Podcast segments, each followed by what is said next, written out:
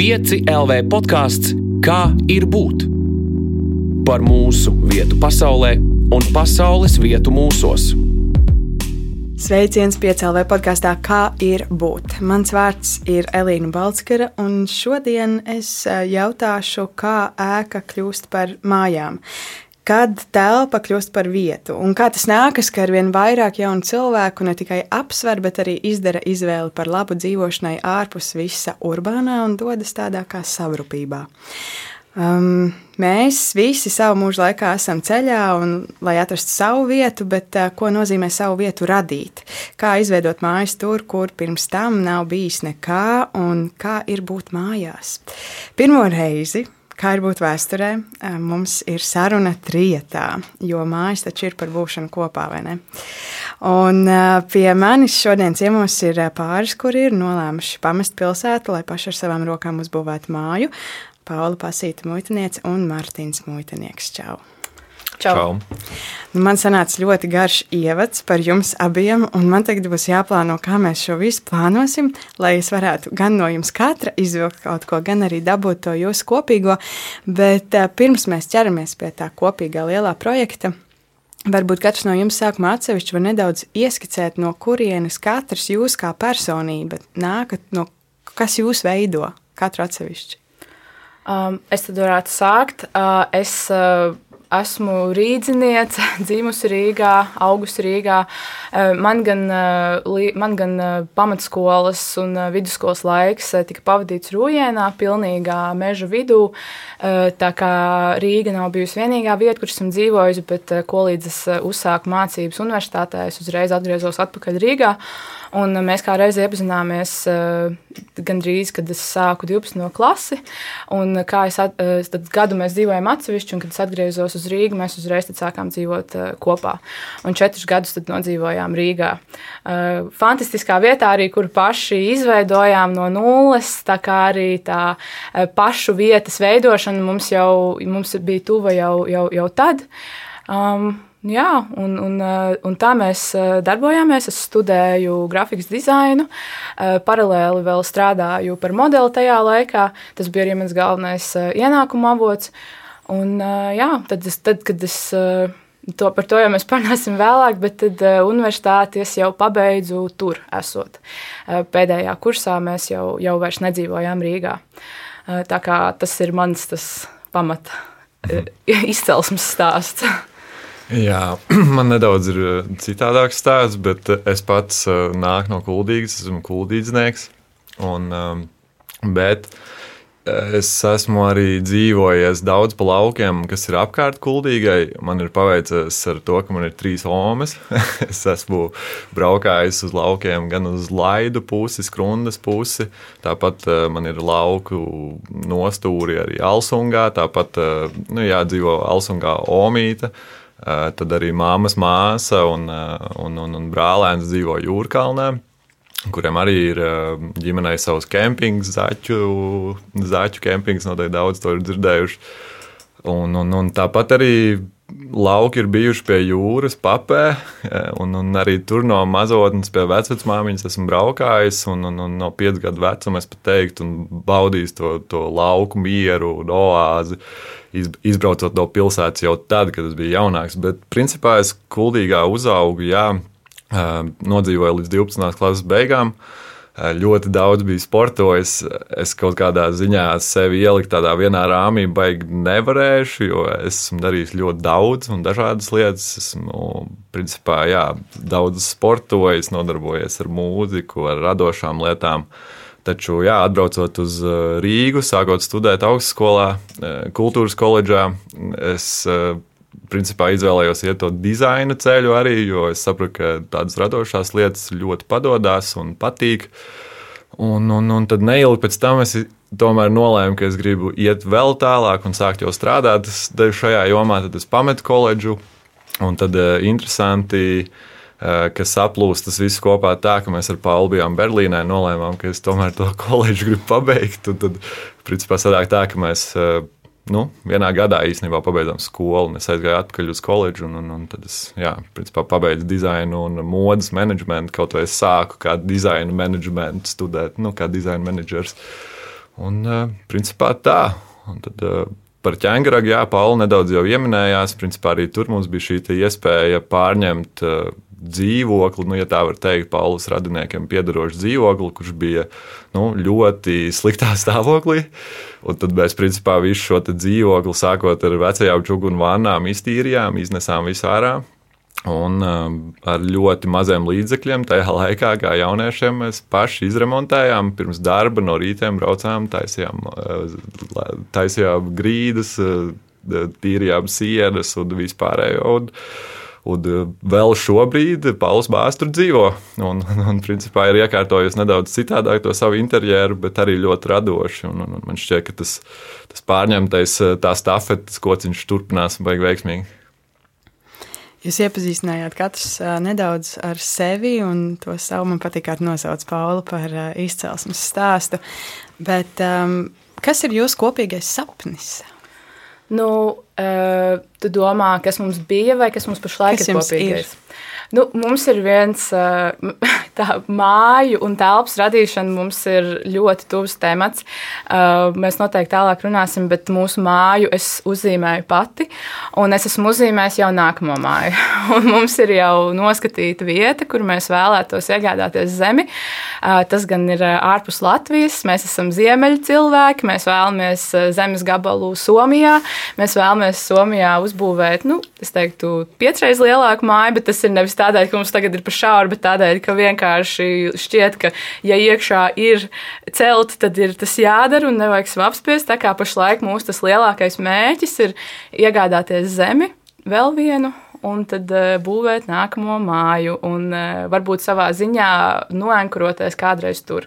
Bet nu, tas nav piecgadus plāns. Es teiktu, ka tas ir vairāk desmit gadus plāns.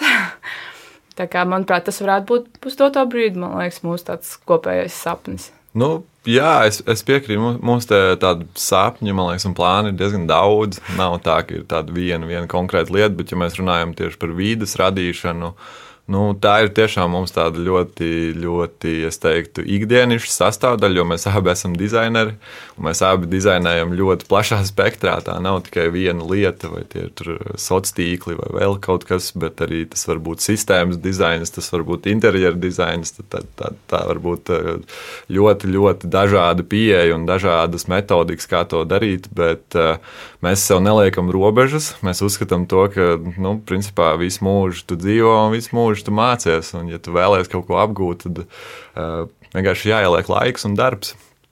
Jo, jo, uh, kā es arī vienos kursos, un es, man patīk šo teicienu izmantot, ka ir tāda pu, tā kā zināšana nav puse no cīņas, ka vienmēr tā, tā, tā otra puse ir tas, ka vajag pamēģināt un izdarīt. Jo, nu, tad, tad tu iegūsi to plašāko bildi, to pilnāko bildi. Bet, bet kopumā es teiktu, jā, ka tāds lielais, lielais plāns noteikti nu, tas ir tāds apjomīgs plāns. Ir Somijā nopirkt zemi, jā, jo mēs katru gadu braucam gan uz Tallinu, gan uz Helsinkiem, tāpat vienkārši padzīvoties. Un, un, un tad, jā, nu, tad tas varētu būt viens no lielajiem, bet es uzskatu, ka ir vēl arī citi plāni, kas varbūt ir ar izglītību saistīti, arī kur mēs vēlamies katrs jā, principā, pakāpties. Jūs eh, nevarat izbēgt no tā, tās mājas pieminēšanas. Tas ir normāli. Tāpēc, tāpēc jūs arī šeit esat aicināti. Un es teikšu godīgi, ka ieraugot eh, bildes, eh, kad es pirmo reizi tās redzēju, Es biju ļoti patīkami pārsteigta, jo man liekas, ka tas ir kaut kas tāds, ko bieži var uh, izlasīt kaut kādos ārzemju žurnālos, kas daudz, uh, nu, cilvēki daudz būvē visādus namiņus uh, dažādās nomaļākās vietās. Un es pirmo reizi redzēju kaut ko tik tādu autentisku šeit, mūsu kultūras telpā, un it īpaši no tik ļoti jauniem cilvēkiem.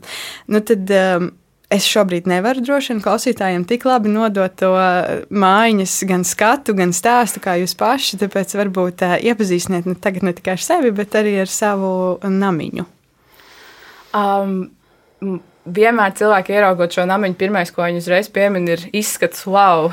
ka, uh, pirmkārt, jumts, otrkārt, vispār uh, viss tas, kā tas kopā izstāsta, uh, lai, lai, lai paskaidrotu, kādēļ vispār šāda arhitektūra mūsu māja atrodas unikālā vietā. Uh, Papas ķoņa ciemā, kas ir kultūra, aizsargāts kultūra vēsturiskā mantojuma ciems, kas ir viena no vienīgajām vietām, kur ir saglabājusies oriģinālā zvejnieku sētu arhitektūra. Un, un, un šīs mājas ir ar ļoti specifiskām iezīmēm. Viena no tām, protams, ir šie niedru jumti, bet ir arī daudz citas detaļas. Un mums bija ļoti svarīgi, lai šī māja iekļautos kopējā kolorītā. Un, Mārtiņš noteikti varēs pastāstīt vairāk, bet viņa tēvs ir dibinājis kurš institīvu fondu, kas eh, darbojās ar tieši šī kultūra vēsturiskā mantojuma saglabāšanu un atjaunošanu, lai varētu turpināt dzīvot. Un viņš nodarbojas tieši ar šo uh, pareizo jumtu uzstādīšanu. Viņš piedāvā cilvēkiem kopā ar Kultūra Kapitāla fondu līdzfinansējumu atjaunot savas sētas, jo tiešām vieta ir unikāla un uh, to vietu ir ļoti svarīgi. Saglabāt. Un tā mums vienkārši ir paveicies, ka Martina tētis mums varēja palīdzēt uh, paskaidrot, ka, kā kam būtu jābūt un kā būtu pareizāk. Un tas, tas lielākoties arī ir tas uh, galvenais iemesls, kādēļ mūsu māja izskatās tā, kā tā izskatās. Jā, es, es tikai varu papildināt to, ka es nezinu, vai Pauli pieminēja vai nē, bet tas, tas ir arī pasaules dabas fonda īpašu, nu, principā sarakstā, vai ne? Un tas ir tiešām aizsargāts. Eh, aizsargāta teritorija, kur ir, kur ir ļoti daudz arī savvaļas dzīvnieki, ko, ko, ko visbiežāk arī var dzirdēt šie papis, slavenie zirgi vai nesauļas, un, un, un tāpat eh, tūkst, simtiem tūkstošiem putnu eh, šo vietu iemīl tieši tā iemesla dēļ, ka tā ir pieturvieta mījoties un, eh, un pārceļojot, pārceļojot, jo Papas ezers principā ir vieta, kur šie putni piestāja un uzpildās un, un, un atjaunojās. Un, uh, Ir ļoti skaisti un patīkami redzēt to, ko mans tēvs ir iesācis jau darīt. Nu, jau man šķiet, kādus piecus gadus, principā, viņš ir tiešām visu cieņu, jo viņš viens pats savām rokām un ar, ar, ar savu eh, tiešām tādu, es teiktu, bezaizliedzīgo un, un, un, un bez, bez iebildi, iebildumiem tādu gribēšanu ir panācis ļoti daudz, ir atjaunotas tiešām padaudz mājas, ir, ir, ir cilvēki ieklausījušies arī viņa stāstā par to, kāpēc to vajag saglabāt, jo, jo tas īpatsvars arī papē Šobrīd, eh, diemžēl, ir tāds, kāds viņš ir, ka ļoti daudz arī ir iebraucēji no Lietuvas un no citām valstīm un, eh, un, un ceļ mājas. Un, un tas ir skaidrs, tas nav pat pārmetums, bet ir skaidrs, ka šie iebraucēji neapzinās vai ne mūsu tādas nu, tā pašu zemes vai ne tādas vērtības un to kultūru vēsturisko mantojumu. Un, un, un tad eh, šis fonds tieši šī iemesla dēļ arī tika dibināts. Tad, kurš iniciatīva fonds, bet tā ideja ir izglītot un stāstīt vispār par vidas aizsardzību, par kultūra vēsturiskā mantojuma saglabāšanu. Tāpat arī šobrīd jau tiek pasniegts arī dažādas lekcijas, kā pieņemsim, uzlikt niedru jumtu. Jo, jo es pats atceros, ka man bija 5, 6 gadi, kad pirmo reizi mēs mainījām mūsu lielajam šķūnim, kur vecmāmiņa dzīvoja. Tā bija pirmā reize, arī, kad man tēvs lika jumtu. Un šīs zināšanas tika pārņemtas un apgūtas no vietējā meistara, kurš, kurš diemžēl vairs nav dzīves, ne, bet tomēr šīs iemaņas ir pārņemtas un tas tiek nests tālāk. Un, un, un, jā, un tad lēnām principā šo lietu praktizējot, mans tēvs to ir ļoti labi apgūlis. Es, es nezinu, vai viņš pats sev sauc par meistaru, bet nu, es uzskatu viņu par meistaru. Tad, principā, viņš ir bijis tāds tiešām liels, liels iemesls un kodols tam, kāpēc mums bija iespēja šo īstenot. Un, un, un ar viņa palīdzību un zināšanām mēs salikām galvas kopā un radījām to, kas eh, ir galā beigās izveidojies. Un mēs, ir arī svarīgi pieminēt noteikti mūsu kaimiņu gati kurš Jā. Eh, arī ir eh, principā, šobrīd procesā uz pārvākšanos uz papas ķoņa ciemu. Eh, un, un, un, viņš arī ir ļoti prasmīgs cilvēks ar zelta rokām, teikt, kurš, kurš gan prot strādāt ar koku, gan prot strādāt ar citām lietām. Tad viņš mums arī palīdzēja ar dažādām tādām būvniecības inženierijas saistītām lietām, lai šī māja turētos kopā. Bet, principā, un Tas un gads arī ir labi, labi pieminēja. Viņš arī ir iemesls, kādēļ mūsu jumts ir tik unikāls pēc formas. Jo sākumā es māju biju uzzīmējusi, praktiski māju, kādu es viņu uz, uzzīmēju, viņi ir identiski, izņemot jumts. Jo vienkārši viņš mums palīdzēja tieši tā kā Mārtiņš saka, ar visām šīm nesošo konstrukciju un visu to. Un tad, kad viņš uzzīmēja plānu, pēc viņa aprēķiniem šāda te jumta konstrukcija bija labāks risinājums nekā vienkārši taisnība taisnība jums, kā es to biju sākumā uzzīmējis. Es nemaz nezināju, ka kaut ko tādu var izdarīt. Un tad, kad tika likts jumts, tad arī uh, nāca palīgā vēl divi cilvēki, un viņi teica, ka viņi nekad mūžā neko tādu nav likuši, un ka šis ir vispār kosmos, un ka, ka, ka tas ir kaut kas ļoti interesants, kas tur ir radies. Jā, šie, šie divi cilvēki arī paldies viņiem uzslavas lielas, jo viņi bija tie, kas ar mani dienu dienā visu vasaru būvēja šo māju, tieši to fizisko darbu un to, to, to sviedru ielikt, ja tā var teikt. Un, un, un um, šo, šie abi cilvēki arī ir no vienas ģimenes. Tas ir tēvs un dēls, kuri principā ar mani tēti ir tieši šie cilvēki, kas šos jumtus maina. Uh, Rucavā gan ir vēl ģimenes, kas to dara. Uh, viņi arī niedru jumtu eksportē. Viņi principā paši pļauj niedras, uh, jo Paps ezers principā tādā ziņā ir arī unikāls ar to, ka tā ir viena no lietām, ko ziemā tur var cilvēks darīt. Tā ir niedru pļaušana, un tad, principā, viņas tiek gatavotas, gatavotas, un tad, kad pirmais ledus parādās, tad, principā, ar niedru pļaujamo mašīnu tiek tās niedras vāktas nost, tad ir cilvēkiem atkal darbs sasiet šīs niedras buntēs, un tad pēc tam jau tālāk tā ir. Nu, Kā, kā to pielietot, vai eksportēt uz ārzemēm, vai turpat pielietot Latvijā. Nu, tas ir atkarīgs no, no pašiem biznesa vadītājiem. Bet eh, pa lielam, jā, šie abi cilvēki, šī ģimene, kur mums palīdzēja šo jumtu veidot ironiski un forši ar humoru. Es parasti pieeju tam, ka mūsu māja bija ļoti augsta. Viņi pirmo reizi tik augstu jumtu lika, un, ši, un viņiem abiem ir bail no augstuma. un, un es, es pieņemsim arī šādu tipu jumtu liku. Pirmo reizi es biju palīdzējis, bet tā pilnībā es to nebiju darījis. Man bija jābūt tam, kurš parasti lien augšā un, un, un dara lietas pašā, pašā galotnē. Bet rezultāts beigās tomēr ir diezgan veiksmīgs.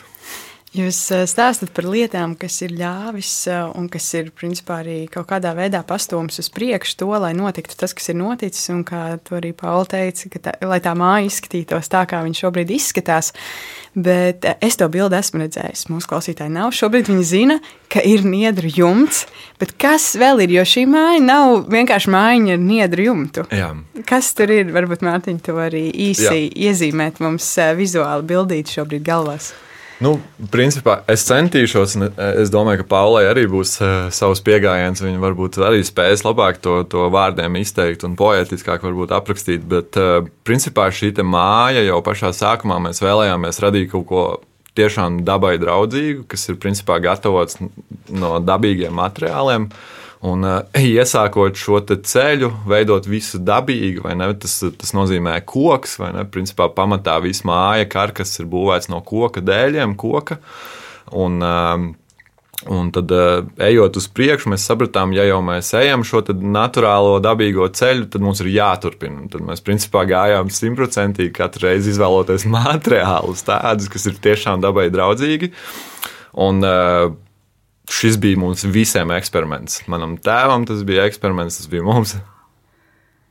Uh, es uh, gribēju Pirms, tikai pieminēt par to, ka uh, koks, protams, pamatā Bet eh, tā, tā kopējais, tas kompozīts, kādēļ tas tā ekomāja, tā, tas, tā bija, tas bija īstenībā milzīgas ambīcijas, jo tas ir ļoti, ļoti sarežģīti uztaisīt simtprocentīgi ekoloģisku māju, jo uh, praktiski visas mājas, kuras uh, tiek reklamētas kā ekomājas, viņās gandrīz visās ir plēve apakšā, viņās visās ir kaut kāds vai nu putu vai kaut kāds pildījums. Uh, Un uh, Mārtiņš būvēja to māju dienas dienā, un uh, viņš, var, viņš īstenībā var arī pastāstīt par to, kādēļ ar, ar dabīgiem materiāliem ir sarežģīti strādāt. Bet, ja mēs tieši par to vizuālo ātri, lai uzbūrtu klausītājiem to, to ideju, kā tas izskatās, tad uh, māja ir 4,5 uh, vai, vai 5 metrus augsta, uh, ir uh, lausts niedru jumts, uh, un, ir brū, uh, un uh, šī apšuvums ir tradicionālā dēļa apšuvums, kur ir platais dēls un pa vidu ir šaurie dēļi. Un, un apkārt mums ir lieli sīkrūtu logi, priekšā ir maza terasīta, un tas viss izskatās kā pasakā. Jo māja ir uz kājām. Man draudzene sauc dažreiz par Pepiju Garzeķu, jo mums pieklīda pie mājas vienā brīdī dzīvoja savvaļas zirgs, un tajā laikā vēl nebija terasa, un mums māja ir uz tādiem pāļiem, viņi sanāk pusmetru no zemes, un tad viņi teica, ka es dzīvoju uz mājā uz, uz vistas kājas un ar savu zirgu apkārt. Jā, bet jā, tie dabīgie materiāli tas īstenībā ir tāds kā atslēgas vārds šajā mājā.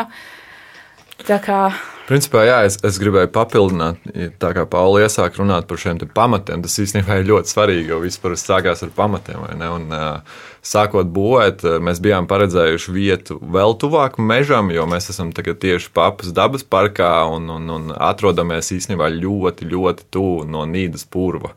Un, principā, mūsu augsne ir purvaina. Tas nozīmē to, ka iebraucot pirms tam traktoram, varēja pat novērot, ka zeme paceļās traktora augstumā blakus, eh, jo, jo šī zeme tiešām nav cieta. Un, un, un šādos gadījumos mēs uh, sākām meklēt šos risinājumus. Iepriekš mums bija ideja izmantot, principā arī, lai, lai būtu kaut kāda otrreizējais pielietojums gumijas riepām. Ideja sākumā bija būvēt uz riepām, uz mašīnas riepām, piepildīt viņas ar jūras smiltīm, lai viņas nenosēstos. Un, un, un, un veidot tā, bet tad mēs sapratām, ka tomēr tas varētu būt pārāk riskanti. Un, uh, apskatot arī vietējās mājas, tomēr daži jau šādu uh, pieejamību bija izmantojuši šie skrūpāļi, kas ir principā tiek skrūvēti zemē, līdz viņi atdurās. Tad, uh, ja nemaldos, tad tie ap, aptuveni bija 4 vai jā, 4 metri zemē. Uh, Un, un, un, un, un tad, eh, jā, mēs eh, principā visu to laiku no mārta līdz aprīlim gaidījām, kad mums principā tos pamats uzliks, jo mēs jau bijām jau sākuši gatavot materiālus un detaļas mājai. Un, un, un, jā, un tas tika, tā arī sāka tikt būvēts. Mēs uzlikām pamatus, tad, eh, tad koka rāmītis apakšā vai ne. Un, Pārējo man šeit Paula nosauc, bet ļoti tāda svarīga lieta ir tieši siltinājums, jo siltinājums mums bija tāds uh, Pasaka, es, es tiešām nezinu, vai Latvijā kāds kaut ko tādu ir darījis, bet tas bija tiešām eksperiments. Un, un, un tā eksperimenta ideja bija, protams, nosildīt arī māju, bet izmantot šo dabīgo materiālu, kas ir kaļķis, un, un, un veidot kaut ko līdzīgu kaņepī betonam, bet tradicionāli tajā vietā mēs sašķeldojām niedras, kas tika maisītas cauri kaļķim un ar ūdeni vai ne. Un, Un tad uh, izveidojot šo, tādu tā kā, kaļķu betonu, principā niedru kaļķu betonu. Un, uh, mēs testējām, mēs taisījām vēdnes. No sākuma, protams, uzreiz mājā neliekot to iekšā, bet vienkārši saliekot vēdnes, paskatoties, kā viņš izskatās, vai, vai žūst vai nē. Un, un, un tad beigās, principā, jā, mēs. Uh, nolēmām, ka mēs to darīsim. Jo sākumā bija ideja par to, ka tas rāmis tomēr ir uzbūvēts nedaudz citādāk, ka tur varētu tomēr to vati izmantot, kas ir tāda visvieglākā vai ne lieta. Un, un, un tad mēs tomēr, tomēr eh, palikām patiesi pret to, ka mēs gribam to naturālo māju. Un, un, un, eh, jā, siltinājām māju ar kaļķu, liekot apkārt eh, vēdnes no OBS, nu, principā no, no saplākšņiem. Un, un, un šis darbs bija ļoti īsnībā arī traumatisks. Tādā ziņā, ka kaļķim ir šī īpašība, ka tu vari apdedzināt rokas. Eh, nokļūstot mitrā, nu, principā tur noteikti šādas reakcijas, ja piekļūst mitrums, un tad ir sauss, tad principā rokas vienkārši kā, sāk degt, kā, apsvilst. Un, un šie cilvēki arī, kas mums palīdzēja, un es pats arī pieredzēju to, kā tas ir, ka tev rokas var apdegt. Bet, bet kaut kā mēs to panācām. Mēs nosiltinājām gan jumtu, gan visu māju cauri. Principā zem koka māja ir betona māja īstenībā. Un, un, un, un tad iekšējais Iekšējā apdara, sienu apdara bija arī eh, no māla, bet, bet eh, es domāju, pirms tam nepieminēju, šī kaļķa tā labā īpašība ir tāda, ka kaļķim ir šī īpašība regulēt gaisa kā, mitrumu. Un tad uh, pa virsmu nāca šī māla kārta, kas bija apmetums, kur arī ir līdzīgas šīs īpašības, turēt šo gaisu vai ne, un principā naturāli kontrolēt šo gaisu un mitrumu telpā. Man patika, Pauli, kā tu stāstīji sākumā par to zīmēšanas procesu, jo beigu beigās tas, ko tu stāsti, kas ir uzbūvēts, tas ir sākumā uzzīmēts un izdomāts. Un, ja es pareizi atceros, tad, ja es nemaldos, tad Imants Ziedonis bija arī tāds, kurš uzzīmēja savu māju, Murjāņu, un neskatoties to, ka visi viņam teica, ka širais dzēnieki dārgais, šādi tas nestrādā, neesi būvnieks, viņš uh, to māju uzbūvēja, māja joprojām Urjāņos stāv. Um, un, un dzīvo ar pilnīgi tādu citu auru, droši vien. Bet uh, kur un kā jums dzima ideja no tā Rīgas dzīvokļa, ko jūs arī bijāt radījuši paši? Mums vajag pašiem izdomāt un pašiem uzbūvēt māju diezgan tālu no Rīgas un pārvākties uz turieni. Nu, īstenībā ir diezgan konkrēti, pat chronoloģiski var nosaukt punktu, kad tas bija. Mēs uztaisījām savu ķēniņa dzīvokli fantastiskā vietā. Mums loga mārā bija dīķis, blakām bija daugava, pa nakti kurkstēja vārdes, un mums likās, nu, foršākā vietā nevar dzīvot. Bet tad vienā brīdī mēs atradām YouTube kanālu Living Big and Tiny House, man liekas, un ir vēl daudz tādu, bet tas bija tāds uh, konkrēts, un uh, mēs vakaros vienkārši sākām skatīties to raidījumu YouTube, un, un kaut kā skaļi visu laiku viens otram teicām, nu, arī, nu, mums arī kaut kad vajag mazo māju uztaisīt. Un, un, un, un tad Es, es, eh, to, es ik pa laikam pieglabāju tieši tos video, kur, nu, kā jau dizainers, es uz šīm mājām skatījos vairāk nevis visu laiku tikai wow, wow, cik forši, bet uh, es piefiksēju ļoti bieži, kā tiek, kādi ir izkārtojumi vai, vai kāda tiek izmantota ļoti optimāla telpa. Jo šīs mājas parasti bija ļoti ģeniāls ar to, ka tu 25 plus mīnus kvadrātmetros spēja ielikt visu to, ko citi ieliek savos nu, normālās mājās. Un man tas kā dizainerim šķita ģeniāli, kā cilvēks spēja uh, izdomāt un pielāgot savam dzīves stilam savu telpu ar ļoti minimālu kvadrātmetrāžu. Nu, tad es biju saglabājis kādus 5, 7 video, kur man likās, ka, ja es būvētu māju, šāds izkārtojums būtu visforšākais. Nu, un tad eh, Mart, man vienu dienu eh, es eh, mācījos savām lekcijām, un man zvans no Mārtiņa ienāca. Un, varbūt tur pateikt precīzāk, kāds bija tas teksts. Bet, Principā tas viss lēmums bija ļoti spontāns. Nemelošu. Tas bija tiešām spontāni. Tas bija, ja nemaldos, pirmais Covid vilnis, kad tikko sākās Covid. Un, un, un mēs jau bijām ieskrējušies. Es tajā laikā strādāju vēl uh, Inspired reklāmas aģentūrā. Pauli man šķiet piestrādāja šur tur, un paralēli tomēr bija fokusā galvenais skola.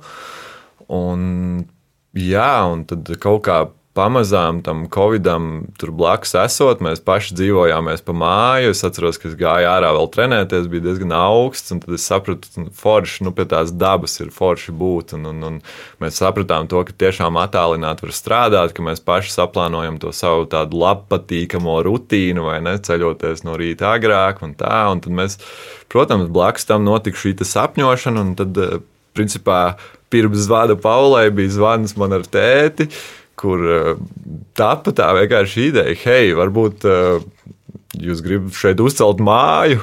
Jo, principā, mums uh, mantojumā no vecmāmiņas ir palikusi zeme, vai ne? Un arī ir vēl nelieli zemes pleķīši, un tad es principā sāku šīs sarunas. Nu, sākumā es nesāku vēl tik padziļinātas sarunas, bet vairāk tas tā atbilde bija mana tāda, ka, ja Paula teiks jā, tad daram. Un tas principā tik īsi arī bija. Es piezvanīju Paulai, jo es no sākuma nedaudz netite, neticēju tam, ka mēs tik pēkšņi varētu tiešām 300 km no Rīgas pārvākties un celt māju. Uh, taču Eh, tam eh, visam bija nedaudz tāda arī pievienotā vērtība, jo mēs paralēli bijām jau sākuši strādāt pie šī keramikas darbnīcas tāda, nu, projekta. Un, un, un, un tad eh, jā, es uzdevu šo jautājumu Paulai, un Paula diezgan tā, es nezinu, vai viņa neuztver to nopietni vai kā, bet viņa teica, jā, kāpēc nē, un tad, principā, man tas nedaudz nošokēja, tad es sāku ar tēti runāt, ka jā, mēs tiešām esam gatavi to darīt. Un tā tik vienkārši tas principā arī notika. Tad tālāk uh, man sarunas turpinājās arī, arī ar Romu, kas principā ir mans vecmāmiņas meita, vai ne, par to, ka šīs zemes nevis vajag pārdot, bet mums pašiem kā ģimenei viņas vajag nu, principā, apstrādāt un, un uzturēt un, un, un, un veidot kaut ko foršu uz tām zemēm.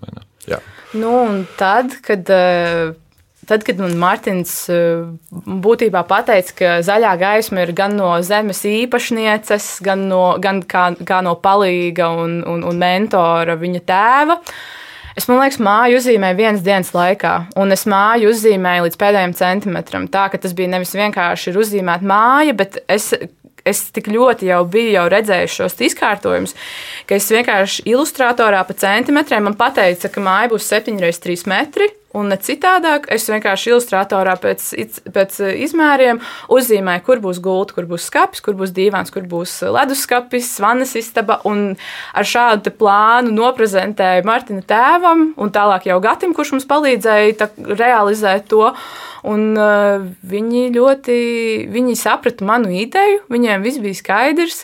Uh, sākumā, um, bija, vai, bija, sākumā bija tāda nedaudz jautājuma zīme par to, par to pusotru stāvu, ko es biju ieplānojis, bet beigās tas pēc uzbūves nebija tik sarežģīti. Un, Man liekas, ka būt, burtiski, kad es nosūtīju to savu plānu, tika arī pasūtīti pirmie būvmateriāli. Vispār nebija nekādas noilguma, vai varbūt vēl padomājam, kā tika saņemts šis jā vārds no visām pusēm. Visi sāka pie tā darba, un tas bija maģiski, jo eh, tā kā mēs arī esam minējuši sociālajos tīklos, Mēs šo māju uzbūvējām četros mēnešos.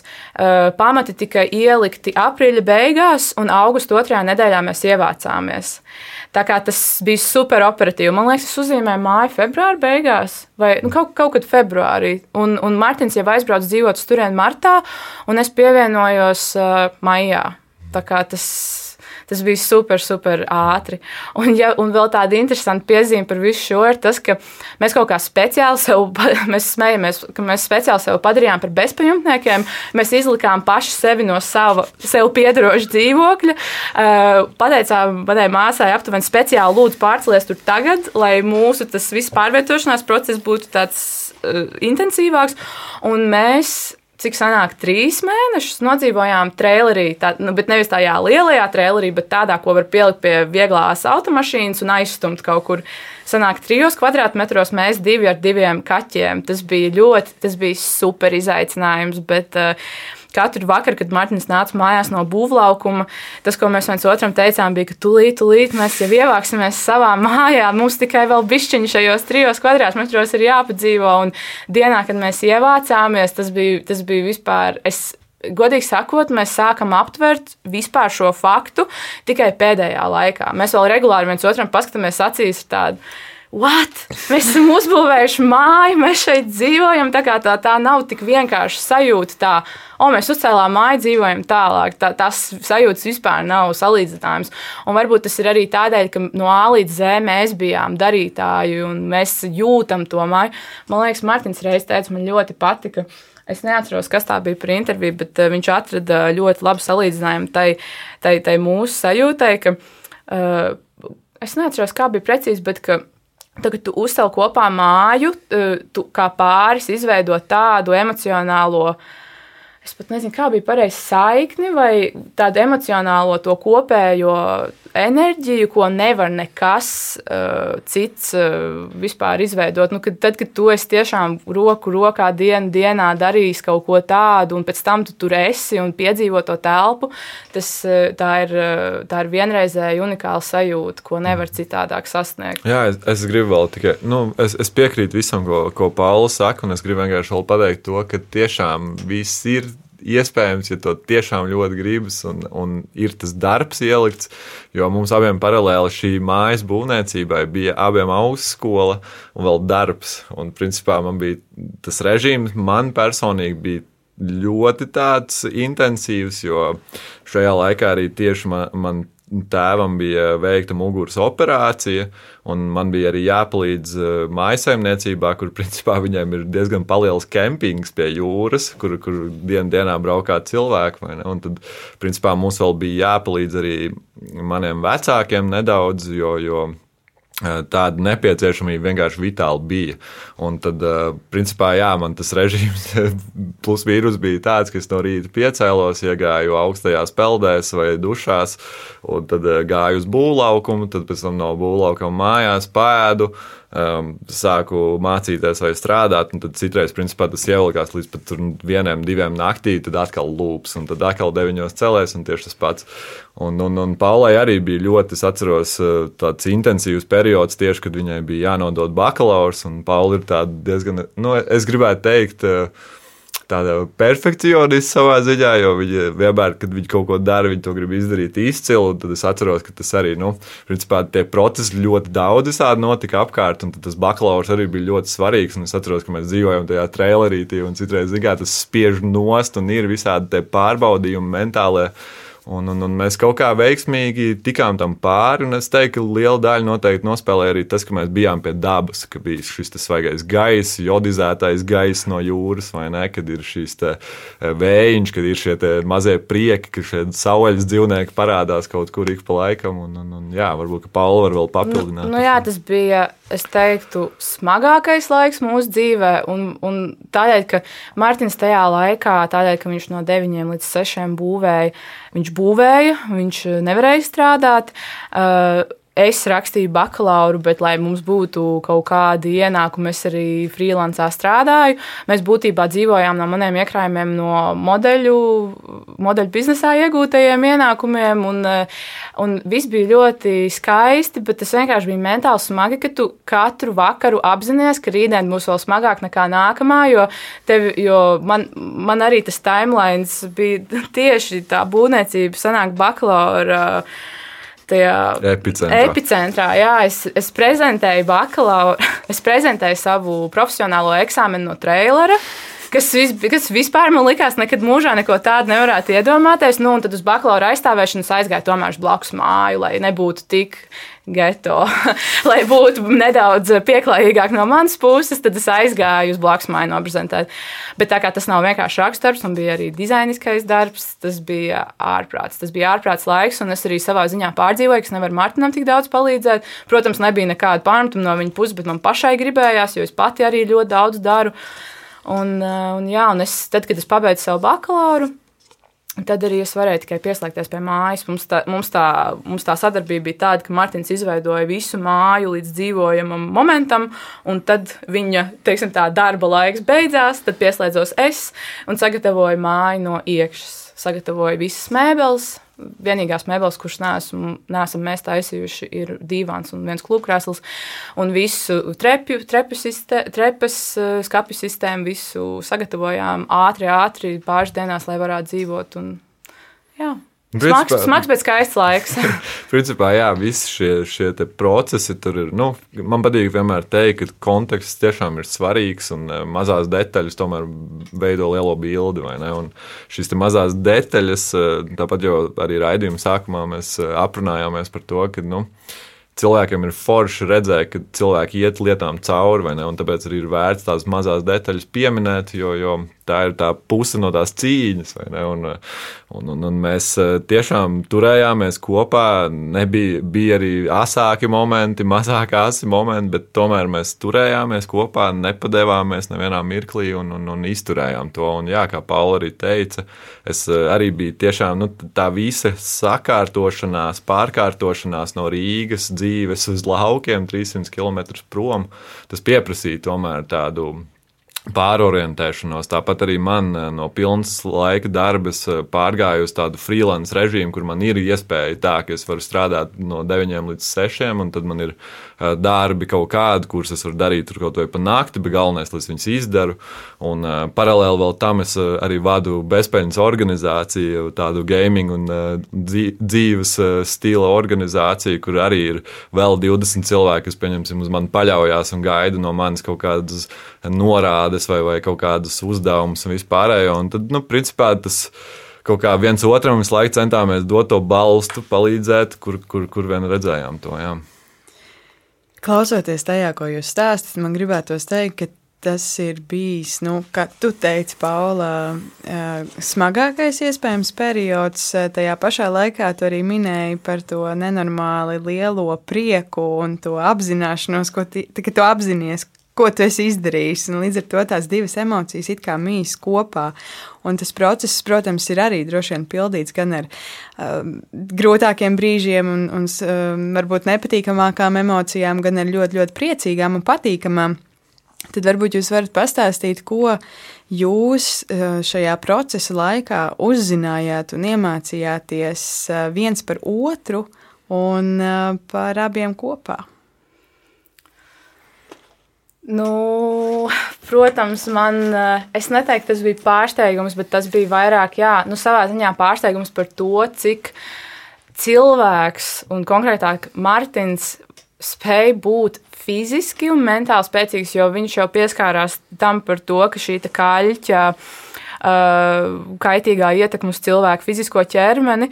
Tas nebija tā vienu reizi. Šī siltināšana prasīja vislielāko laiku no visas māju būvniecības. Sākumā likās, ka tas būs daudz ātrāk, un tad, kad jau to sāk darīt, visi sāk saprast, ka nu, ir mēsli, jo šis būs smagi un uh, iet lēni. Un, uh, un, un, un redzot to, cik Mārtiņš spēja no, vienkārši pamostoties no rīta, vienkārši pasmēģināt pateikt, nu, ir jāiet un ir jādara un, un e, man, man vienkārši šķita apbrīnojami tas, ka nevienu dienu viņš nepamodās un neteica, ah, man tā sāp rokas, man tā sāp, man, man sāp uh, locītavas mugura, šodien varētu nedarīt. Viņš reāli gāja un katru dienu darīja, un, un man tas likās vienkārši apbrīnojami. Un, uh, jā, nu, par mums kopā es varbūt izklausīsies nedaudz banāli, bet jau dienā, kad mēs iepazināmies, es biju pārliecināta, ka mēs esam radīti viens otram, bet uh, varbūt tas laiks, un, un mēs zinājām, ka mums nekas nevar mūs sašūpināt, bet iespējams, ka tas laiks radīja vēl piecreiz lielāku pārliecību, ka nekas nespēja mūs sašūpināt, un ka mēs varam izdarīt kopā tādas lietas, kuras mums nekad uh, sapņos uh, nav rādījušās. Un varbūt arī tā ir daļa no tā, kādēļ mēs arī visās citās dzīves jomās esam tik pārliecināti par to, ka viss ir iespējams. Jo tad, kad tu esi uzbūvējis kopā četros mēnešos māju ar, ar pirms tam neeksistējošiem materiāliem, kā piemēram to pašu niedribetonu, tad liekas, nu tad kas uz šīs pasaules nav izdarāms? Nu, viss ir izdarāms. Nu, nu, vienkārši tad tie ir tikai kaut kādi attaisnojumi, tās limitācijas, ko tu pats sev uzliec eh, virsū. Mm. Jā, es, es paldies par labajiem vārdiem. Bet es gribu arī tieši tāpat pateikt Paulai milzīgi paldies, jo jā, man, es sapratu to savu lomu tajā momentā, un, un, un, un, eh, tur nebija nekādas. Uh, dalīšanas par to, vai kāds dara kaut ko vairāk, vai kāds dara kaut ko mazāk. Mums ir viens mērķis, viens uzdevums, un mēs darīsim visu, ko vajag, jebkurā brīdī, kurš to vien var izdarīt, lai mēs to mērķi sasniegtu. Un paldies Paulai tieši par, par, par to izturību, arī tieši strādāšanas ziņā. Viņa man ļoti daudz palīdzēja ar skolas lietām, jo man pašam arī. Nu, Principā tu katru dienu nostrādā fizisku darbu, tas tev mentāli arī mēdz iespiest uh, pa, pa, pa nervu sistēmu, vai ne? Un tad uh, ir tas, ka tu aizej mājās, un tev vēl ir jāpārkāpj sev pāri šim nogurumam, un jāpasaka, nē, es vēl nedrīkstu iet gulēt vai atpūsties. Tev ir vēl jāmācās, tev vēl ir jānodod skolas darbi, tev vēl ir jāizdara vēl lietas pa virsmu tam. Un tad uh, bieži vien, kad uh, bija tādas nu, grūtākas, sarežģītākas situācijas, tad Paula man varēja kaut ko palīdzēt, un tad mēs abi kopā sēdējām līdz naktī. Ja nu vienam bija jādara kaut kas, tad mēs bieži vien viens otram, kā lai pasakā, atbalstījām. At, atbalstījām. Kaut, kaut vai, ja, ja vienam nav nekas jādara, otrs paliek nu, kā mentālais atbalsts blakus, sēž un runājās, lai neaizmigtu vai, vai, vai lai būtu tā enerģija. Un, un, un es noteikti es piekrītu tam, ka tie grūtie laiki jau. Nu, tas diskomforts vispār kā tāds vienmēr jau nes to lielāko attīstību. Ja, ja mēs paskatāmies arī uz eh, dažādām veselības, tādām well-being, nu, labsajūtas lietām, vai ne, ko arī daudz biohackeri par to runā, to sportisti runā, vai ne, ka tev tomēr ir jāiet diskomfortā. Tev ir nu, principā, jādara kaut kas tāds, kas sākumā varbūt nešķiet tik patīkami, bet pēc tā, ir, pēc tā viss ir tā brīvība, tā labsajūta. Ne, kad ir šīs labās vielas, kas tev tiek piegādātas smadzenēm. Un, un, un tad, principā, jā, mēs arī abi centāmies. Nu, principā ļoti daudz kaut kādā veidā profilaktiski piedomāt pie tā, kā mēs varam panest to visu. Jo, jo, jo ja tas būtu bijis tā, ka mēs uh, nu, savā ziņā vēl blakus tam tusētos, eh, iet tur balēties un, un, un nezinu, nedomāt par savu uzturu, tiešām uzturs, kas dod tev enerģiju vai, vai nu, vispār par savu dzīvesveidu kopumā. Es domāju, ka tas nebūtu bijis tik vienkārši, jo, jo tā arī bija ļoti liela daļa no tā visa, uzturēt to savu labsajūtu. Nu, nu, tu savā ziņā ieliec sevi izdzīvošanas režīmā, jo tu arī saproti to, ka pieņemsim, nu, ziema nāk, tu tajā trēlī septembrī nevarēsi dzīvot. Tev ir, jā, tev ir jāpaspēj tur nonākt, un tad tu vienkārši ieslēdz kaut kādā ziņā tādu dzīvniecisku uh, režīmu, kur tu vienkārši dari, jo tu zini, ka nav citas iespējas. Un, un, un, lai to varētu sasniegt, to ir, ir ļoti daudz jāstrādā ar sevi. Un to arī mēs uh, visu laiku mēģinājām darīt. Tā, tā arī bija viena no lietām, ko mēs sapratām, ka uh, tu savā ziņā esi bioķīmiska mašīna, tev ir jābūt kaut kādām lietām, kuras tev ir tam, tam, tai mašīnai jāpiegādā, lai viņi strādātu bez aizķeršanās. Un, un tā mēs arī turpinam sevi vēl joprojām turēt tādā labā, īsā pavadā, lai mēs varētu arī, varbūt ne būvniecībā, bet visās citās lietās performēt tikpat labi. Es jau pašā sākumā minēju, ka mūsu lielā tēma ir vietrade.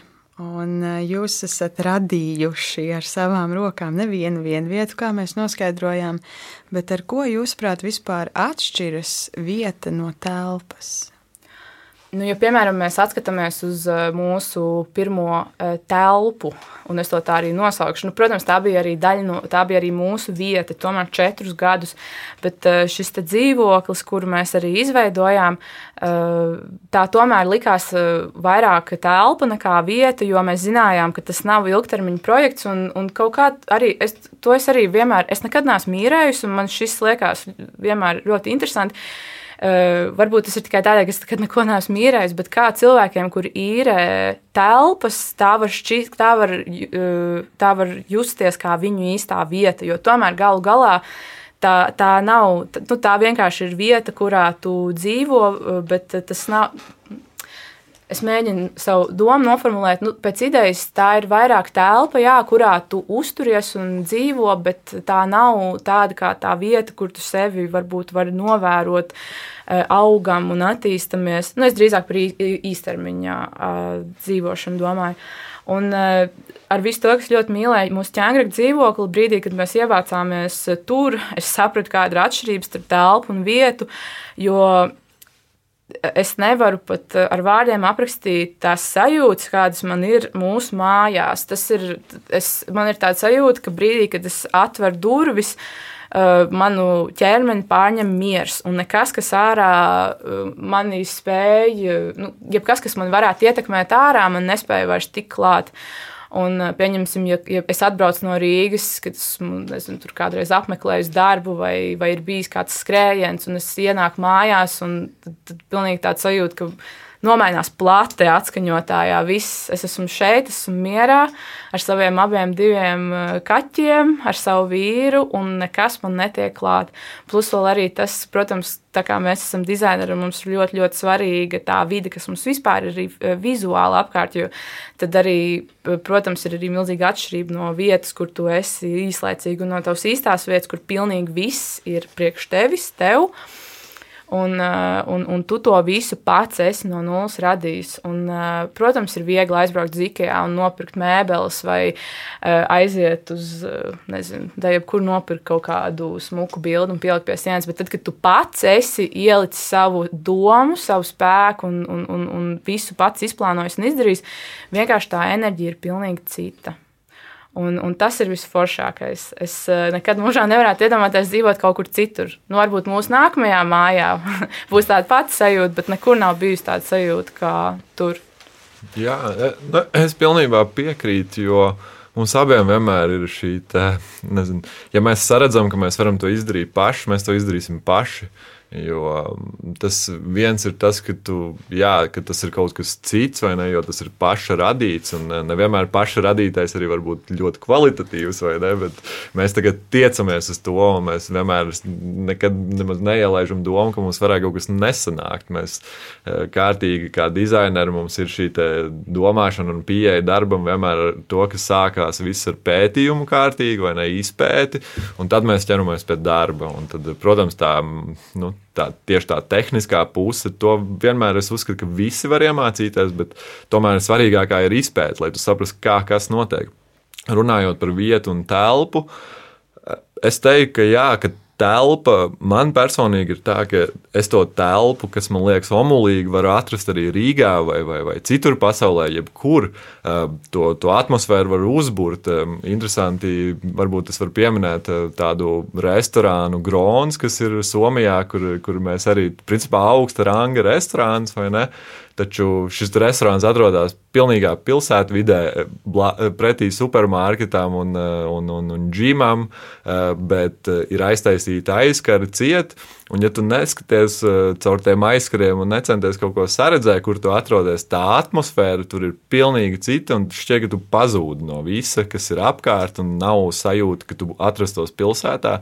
Un ar to es vēlos pateikt to, ka tas ir nedaudz tāda kā ka, ka mēs kā cilvēki tomēr spējam arī nu, būt šeit un tagad laimīgi un just, sajusties labi, un, un, un mēs arī mākslīgi varam šīs smadzenes kaut kādā veidā apmānīt vai ne, uzburot šu, šīs sajūtas. Es atceros, ka es Rīgā agrāk sēdēju, strādāju darbā Rīgas centrā, tērbats centrā precīzāk, kur, un arī ik pa laikam, kad man vajadzēja mieru un izrauties, es citreiz uzliku vienkārši Eh, lietas, meža skaņas, un eh, man tas palīdzēja. Es tiešām sajūtos tā, it kā man blakus būtu lietas, meža skaņas. Un eh, šī vieta, tomēr, jā, nu, jau forši salīdzināja to ķēngaraga dzīvokli. Piemēram, tā telpa tiešām bija mūsu. Mēs tur ļoti labi jutāmies, un mums patika tā vieta. Nu, telpa, precīzāk, ja tā, tā es teiktu, un, un pati vieta, kur šī telpa atradās, nu, varēja būt viss kaut kas, kas mums pašiem personīgi patikt labāk, bet tu saproti to, ka tu nevari tik viegli ietekmēt kaut ko, un tu nevari uh, šo vietu, pieņemsim, uzlabot visiem tā, kā tu to redzētu. Tāpēc man šķiet, pārvācoties uz laukiem, mums principā tika dots tāds milzīgs spēļu laukums, kur mēs varam darīt, ko mēs gribam, un veidot telpas, cik uziet, un, un veidot to vidi vispār kopumā tādu, kā mēs to gribam.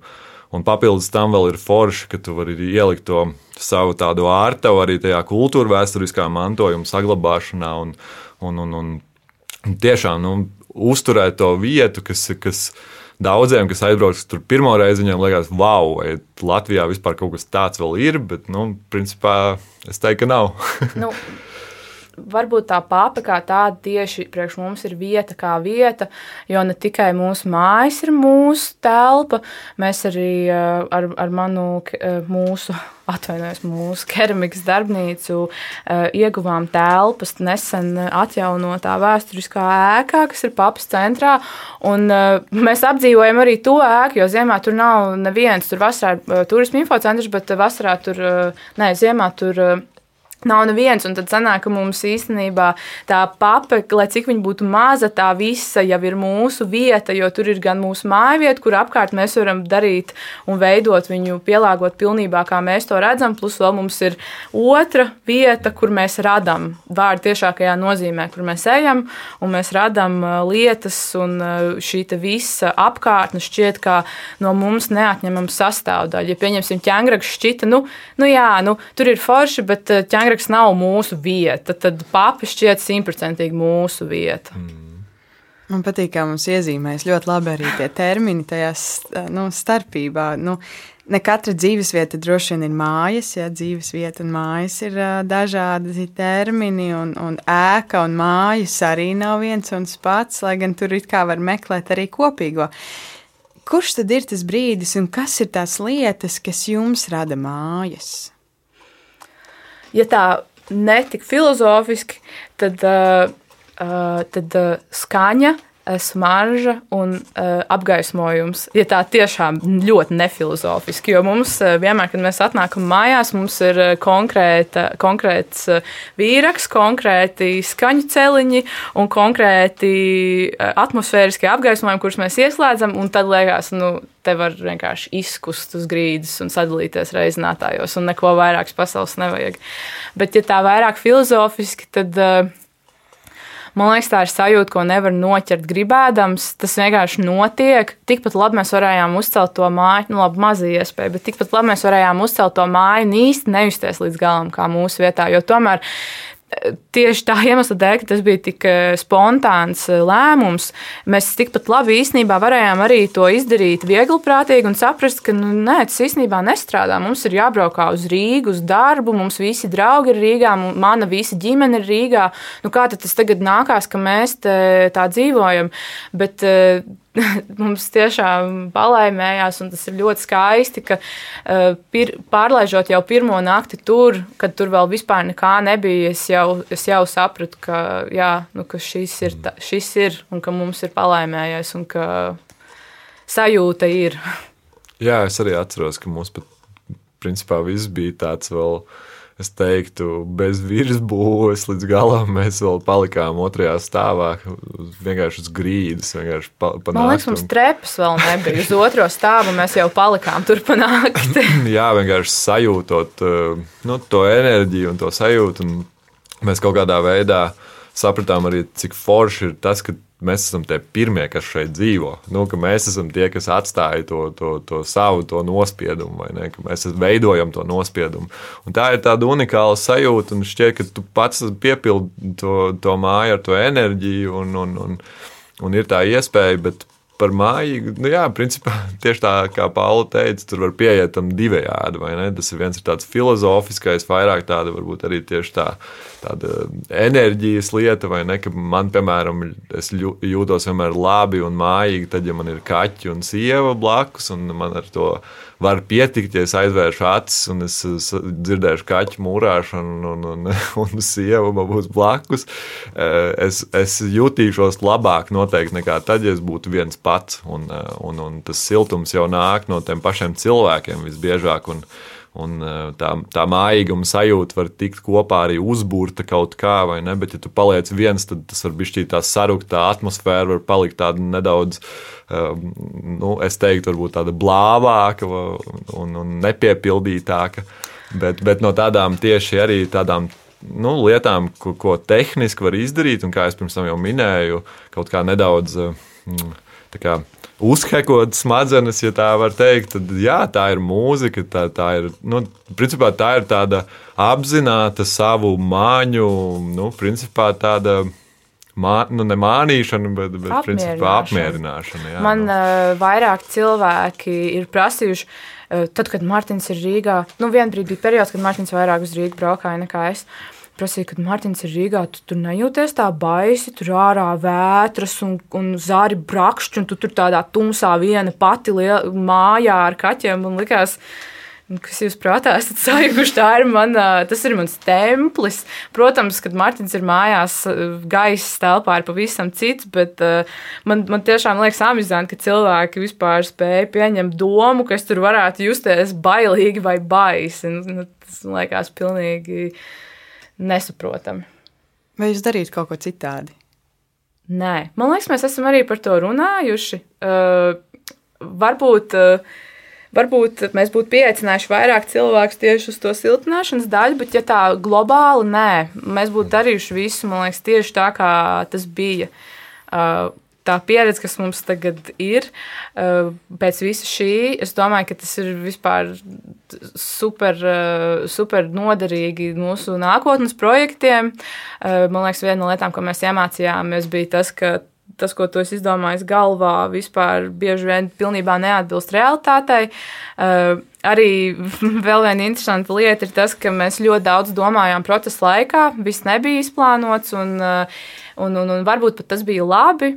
Jo man liekas, dažreiz, tad, kad viss ir izplānots, tad cilvēki mēdz vilties.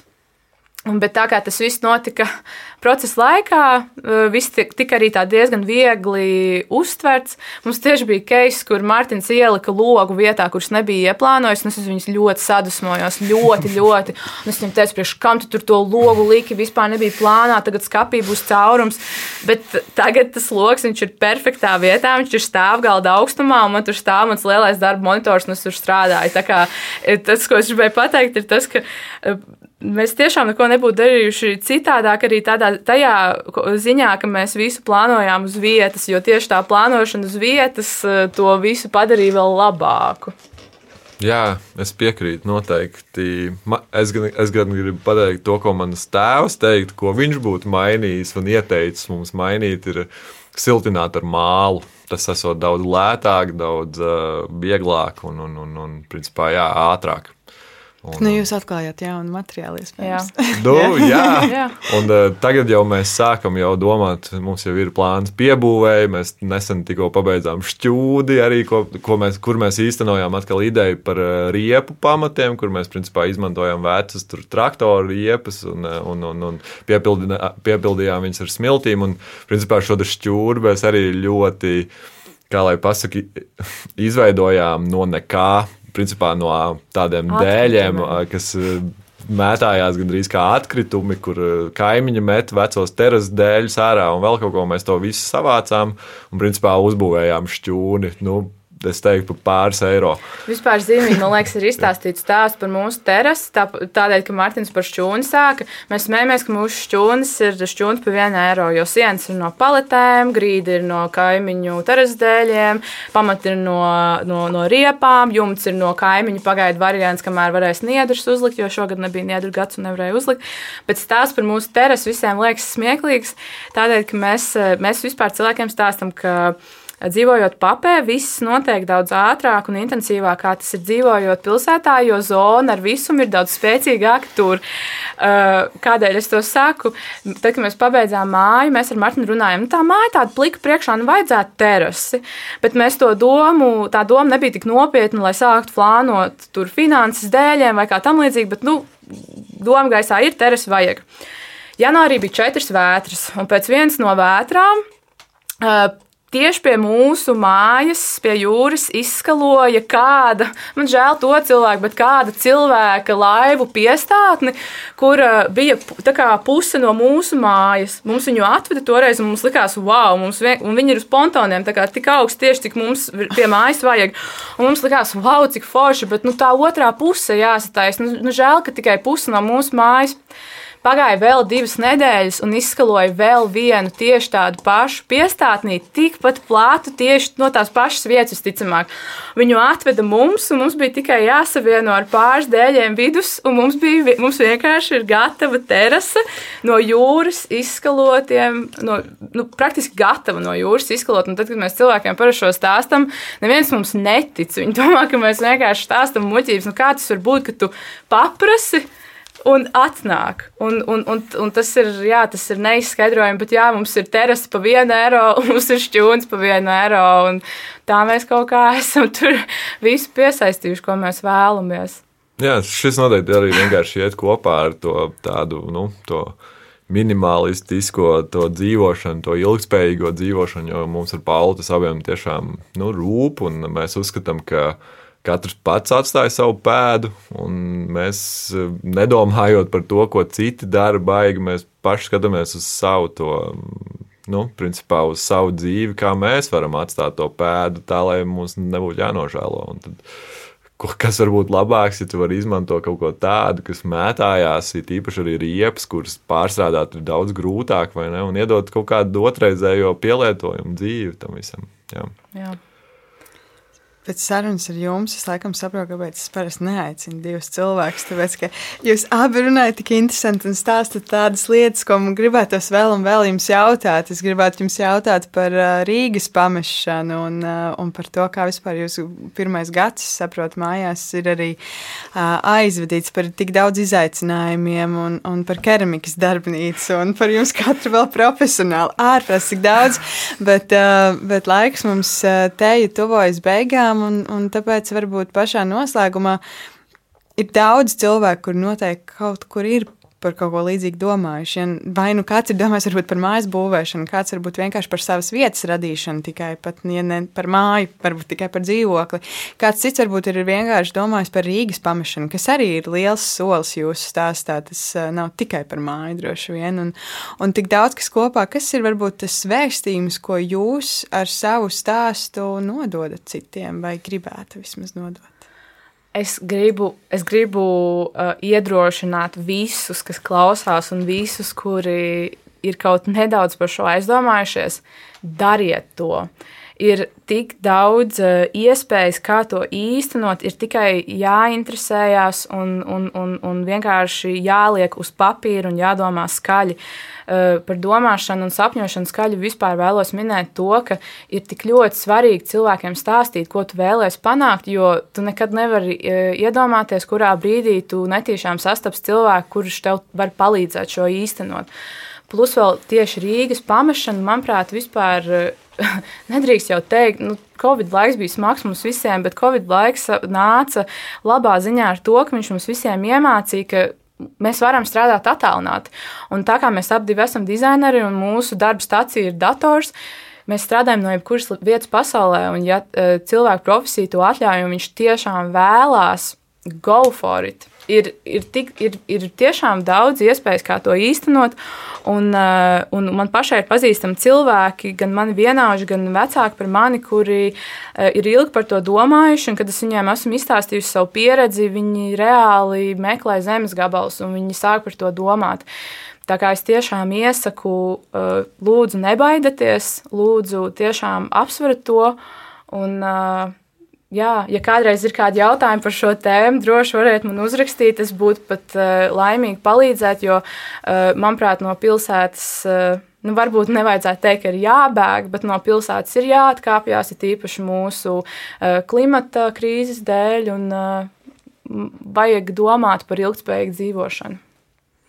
Jā, nu es principā arī varētu novēlēt cilvēkiem nebaidīties kā, iet ārpus komforta. Principā, jo tajā komfortā tu iepazīsti sevi labāk, tu atklāsi daudz ko jaunu par sevi. Uh, iepazīst daudzas dažādas lietas, gan cilvēkus. Protams, atkarīgs kāds tas diskomforts ir, bet, ja mēs runājam tieši par telpas radīšanu, par ēkas vai, vai, vai vispār vietas radīšanu, tad uh, man ir prieks redzēt arī īstenībā Rīgā, ja mēs runājam par pilsētvidi, ka ir šie cilvēki, kas arī cenšas vai ne graustas pārvērst par kaut ko jēgpilnāku, kult, kult, kultūras uh, cilvēkiem dod telpu un iespējas pašiem izveidot kaut ko arī par maz līdzekļiem. Es esmu dzirdējis par Free Rīgas dažādiem projektiem. Eh, man ir prieks, ka tas notiek. Taču jā, es piekrītu arī tam, ka mums vajag tos reģionus apdzīvot vairāk, jo Latvija īstenībā, ja mēs paskatāmies, ir ļoti maza. Un, eh, ja mēs varētu sākt vairāk pa tiem nostūriem dzīvoties. Es tagad esmu arī nedaudz dzirdējis no jauniešiem, ka tā tendence veidojās, ka Liepāja sāk ļoti patikt, vai ne, kā tāda otrā galvaspilsēta. Tāpat arī kuldīga daudziem patīk, vai ne? Es, protams, pats esmu tur uzaudzis, man kaut kāda ir bijusi divējādi tā sajūta, varbūt, ka es vienkārši savu laiku esmu jau tur nodzīvojis un veltījis, bet es tāpat vienmēr aicinu cilvēkus turien aizbraukt, apskatīties, jo, jo arī tie cilvēki, kas kuldīgā darbojās, arī man pazīstami, kas restaurē vecās šīs ēkas un iedziļinās ļoti tajā darbā, kas arī ir tieši šī kultūra, vēsturiskā mantojuma un arhitektūras saglabāšana. Un, un, un Un, jā, un es, eh, mans tēvs noteikti arī priecātos, ka es to pateiktu radio, bet ka vajag arī šo kultūru vēsturisko censties savienot ar tehnoloģijām, un ka viena otra lieta var papildināt, un ka, ka šīs te tehnoloģijas var palīdzēt kaut kā uzlabot šo kultūru vēsturisko, vai saglabāt, vai, vai digitalizēt. Bet principā šīs abas eh, lietas man šeit vajag radīt un, eh, un veidot tādā miedarbībā, lai tas, lai tas kopā jā, izveido kaut ko unikālu. Mēs arī paši, nu, kā Latvija, varētu atzīmēties uz, uz pasaules fonu, ka mēs rūpējamies par savām vērtībām un, un vispārējām. Nu, vienkāršākiem vārdiem, jauniem cilvēkiem jābrauc dzīvot uz laukiem. Ir ļoti maz ir tiešām ļoti maz jauniešu, kuri, uh, kuri nebaidās aizbraukt tālu. Visi meklē zemes gabalus pēc iespējas tuvāk Rīgai. Nu, braucat prom no Rīgas, jūs nekas te netur. Tiešām nebaidieties. Nu, vi, visi noteikti nav tādi, kuri grib to. Citiem ir tā, ka viņiem patīk būt cilvēkos, citiem patīk tieši Rīgas tā, tā kņāda vai ne, un tas viņiem rada to dzīvību un motivāciju iekšēji.